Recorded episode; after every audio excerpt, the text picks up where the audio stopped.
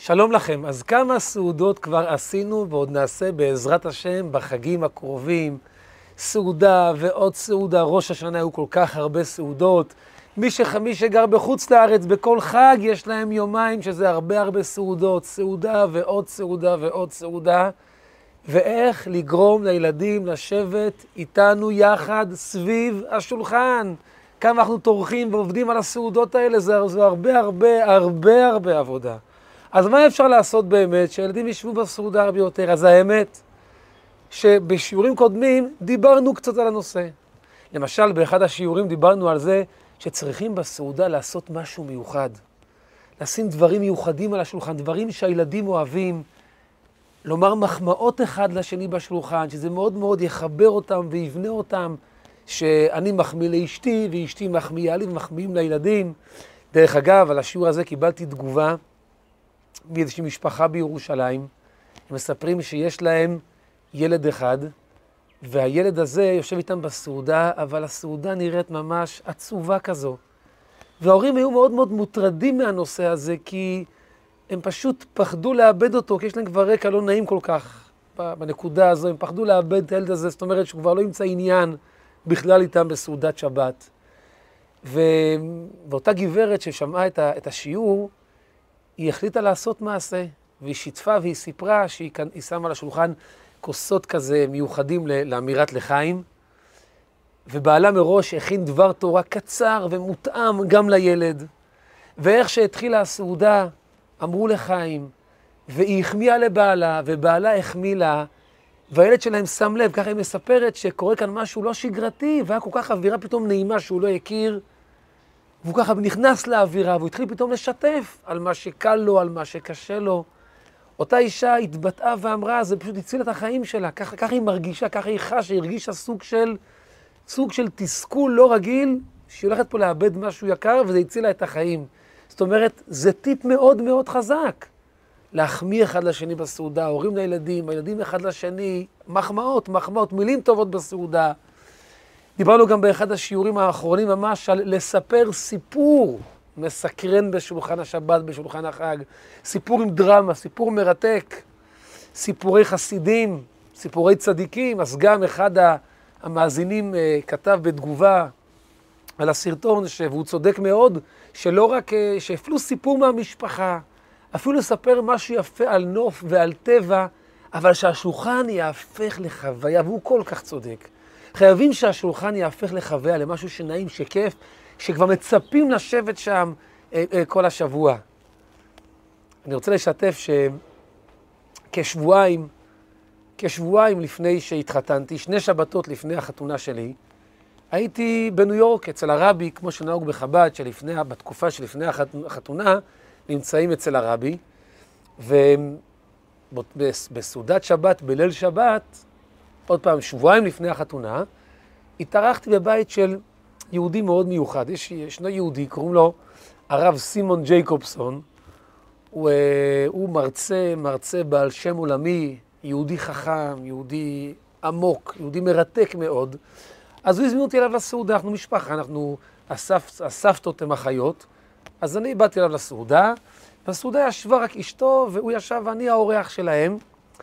והייתה סעודה מאוד מרתקת. יהודי ממש מעניין, מרתק, הוציא ספרים רבי מכר. ואחד מהדברים שאמר לי בסעודה, הוא דיבר איתי על סעודות שבת. והוא אומר לי, אתה צריך לדאוג שבבית שלך, סעודת השבת תהיה משהו מעניין, משהו חווייתי. הוא אמר, תביא אורחים. אורחים תמיד עושים מעניין, צבעוני, שמח בסעודה. הוא אמר, תספר סיפורים תספר בדיחות, תעשה מעניין, תעשה שהשולחן שבת יהיה מעניין, שלילדים יהיה חשק להיות שם. והוא כל כך צודק. וזה הרעיון של סיפורים ושל מחמאות. אבל היום בשיעור נדבר על עוד טיפ, טיפ מאוד מאוד חזק, שיכול לגרום לילדים להתחבר לשולחן, לשבת בשולחן, ואגב, גם למבוגרים. והרעיון הזה זה רעיון שראיתי עד כמה הוא עוצמתי לאחרונה, בסעודת ליל ראש השנה בלילה השני, הגיעו אלינו אורחים לסעודה בבית, והיו אורחים את המשפחה, ובלי עין הרע היו הרבה ילדים, הילדים שלי, הילדים שלהם, היה, הייתה קבוצה גדולה של ילדים. בהתחלה כולם ישבו ואכלו ונהנו מהדגים והסלטים הטעימים, אבל, אבל כמה דקות אחרי פתאום השולחן נהיה ריק. רק המבוגרים והילדים בכלל הלכו לחצר, הסתובבו, שיחקו, דיברו, ואני רציתי שישבו איתנו. אז החלטתי ככה, שבוא, בוא נעשה משחק. איזה משחק? אז אני אומר לילדים, בואו, בואו, יש משחק, יש משחק, משחק מעניין, וחלקם הגיעו, משחק זה מושך ילדים, ואז עשינו משחק, אה, משחק של, אה, של, אה, אמרתי להם, אנחנו רוצים שתהיה לנו שנה טובה. אז בואו עכשיו נאמר איזו שנה תהיה, טובה תהיה לנו לפי סדר האותיות של האלף-בית. אז אני אומר, השנה תהיה לנו שנת, אז מישהו אומר שנת אורה, מישהו אומר שנת אמונה, מישהו אומר שנת אהבה, מישהו אומר שנת אהבת ישראל. ואז, ואז אני אומר, אוקיי, עכשיו עוד ב', השנה תהיה לנו שנת, שנת ביטחון, שנת, אה, שנת אה, בינה, ג', שנת גאולה, וככה כל, על כל אות התחילו להגיד מילים, מילה כזו, כל אחד אמר מילים, והדגשנו רק מילים חיוביות כמובן. וככה לאט לאט, לאט לאט נהיה כזה עניין, והמבוגרים נהנו לא פחות מהילדים. וכל אחד נהנה מההברקה, מהמילה שהוא מצא, וזה היה כל כך יפה וכל כך מרתק, אבל הרווח העיקרי היה עוד כמה דקות, שחלק מהילדים איתנו בשולחן, בצורה חווייתית, לא בצורה של תשב כאן כי עבדנו קשה, ואם לא תשב עד סוף הזה, לא תקבל מהקינוח, לא תקבלי איזה ממתק. זו, זה, גם זו אפשרות, אבל מה נרוויח מזה? שום דבר. חוץ מלהכריח אותם מסכנים לשבת, ולא כיף להם לשבת, אז מה, מה נרוויח מזה לעתיד? אבל כשעושים משחק, למשחק יש כוח, למשחק יש, יש עוצמה מאוד מאוד חזקה. בדיוק לאחרונה ראיתי וידאו שהרבי מלובביץ' מדבר, והרבי אומר שמה, מדבר שם על, על האחריות של אימא בחינוך הילדים, ובין השאר הרבי אומר שם שחלק מה, מה, מהגדילה הבריאה של ילד זה שמשתעשעים איתו, שמשחקים איתו, שעושים איתו שעשועים. זה חלק מהגדילה הבריאה שלו כילד, כבן אדם. ולכן בעצם התפקיד שלנו זה לדאוג להכניס להם כמה שיותר שעשועים חיוביים, מרתקים, ובשולחן השבת ובשולחן החג זה יכול להרים את זה לגבהים מאוד מאוד גדולים. בכלל, אנחנו רואים את, ה, באופן, את הכוח הזה של משחקים. מה הכוח של משחק? אחד מהדברים החזקים ש... שהרבי ממש תמך בהם זה היה שבימי הקיץ עושים לילדים קייטנות קיץ, מחנות קיץ, קמפים. והרבי מלובביץ' מאוד ייקר את הנושא הזה, עד כדי כך שזה המקום היחיד. הרבי מעולם לא נסע לאף מקום, חוץ מהבית שלו, בית המדרש, אה, הציון של חמיב, הרבי הקודם. המקום היחיד שהרבי נסע אליו היה למחנה הקיץ של הילדים, זה נקרא קמפ גן ישראל. שמה עושים, והרבי דיבר מה המיוחד בקמפ הזה? ששם נותנים לילדים את היהדות בחוויה, באווירה מיוחדת, עם משחקים, עם פעילויות, יש להם שם בריכה.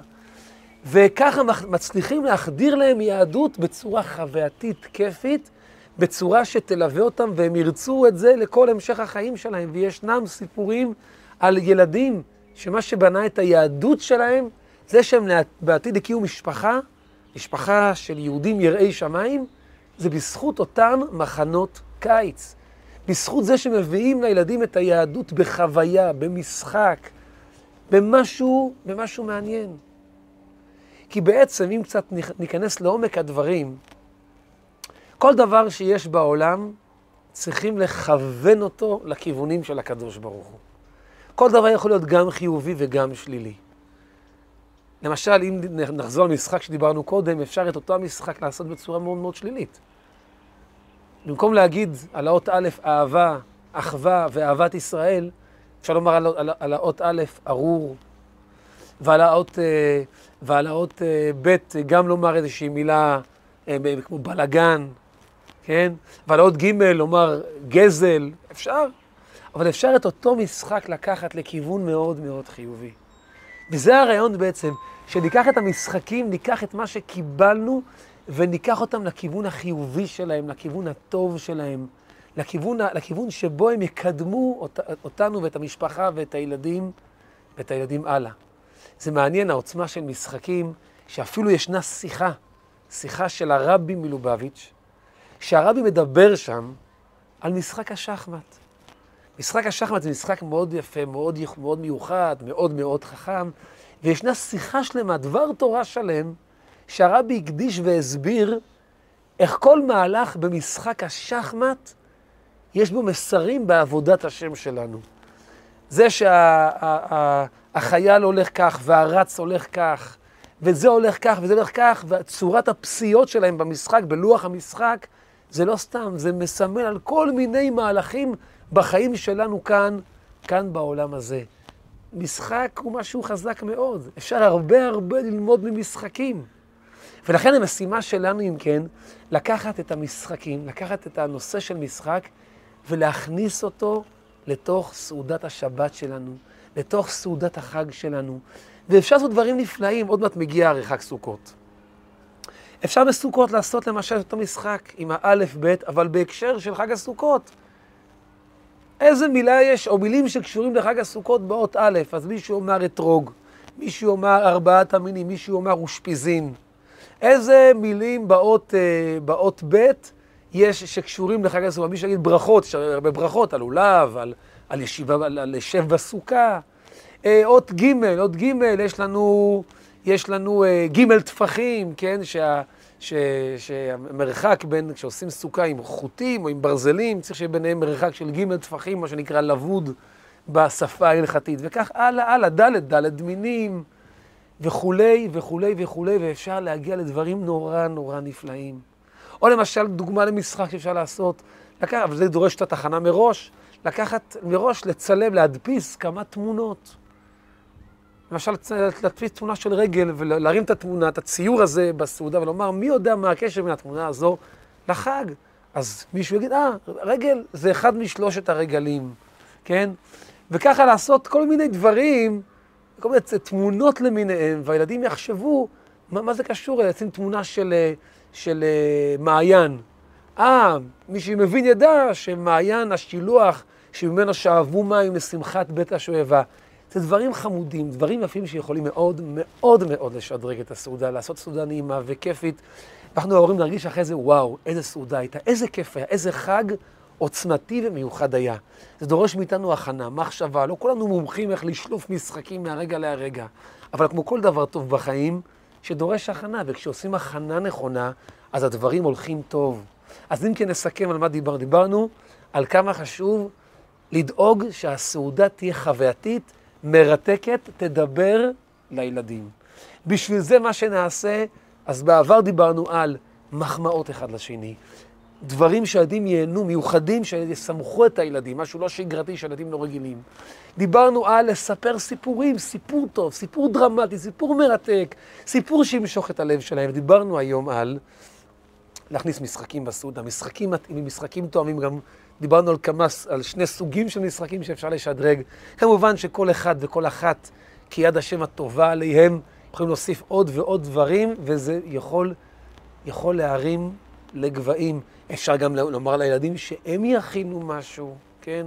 אולי, אולי הגדולים יותר, שיודעים לעשות דברים איכותיים. אפשר לעשות מזה עסק ועניין שלמים, ואתם תראו שאתם ההורים תהנו, הילדים ייהנו, האורחים שלכם ייהנו, כולם ייהנו. כולם ייהנו. אז יהי רצון ש... שנעשה את הדברים. אני מאוד מאוד אשמח שתשתפו את השיעור הכל כך חשוב הזה. אם תשתף אתה עם חבר, תשתפי את עם חברה. בואו נביא גם להם את, ה... את הרעיונות הפשוטים, אבל העוצמתיים האלה מאוד מאוד מאוד. ויהי רצון בעזרת השם שנזכה להרבה הרבה נחת מהילדים שלנו. נזכה לצעוד איתם בחג הסוכות הקרב לבית המקדש השלישי, נעלה איתם יחד אה, לרגל לבית המקדש, מתוך שמחה, מתוך נחת, מתוך שלווה גדולה. אני אשמח גם שאתם תגיבו בסוף, בתגובות למטה, תרשמו מה דעתכם. תנו טיפ למשחקים בשולחן השבת והחג. תשתפו גם אותנו, בואו נשתף אחד את השני. ושיהיה שוב פעם הרבה הרבה נחת, ושיהיה חג שמח, הרבה הרבה הצלחה. שנזכה לגאולה שלמה בקרוב ממש, אמן כן יהי רצון. תודה רבה, בשורות טובות, כל טוב.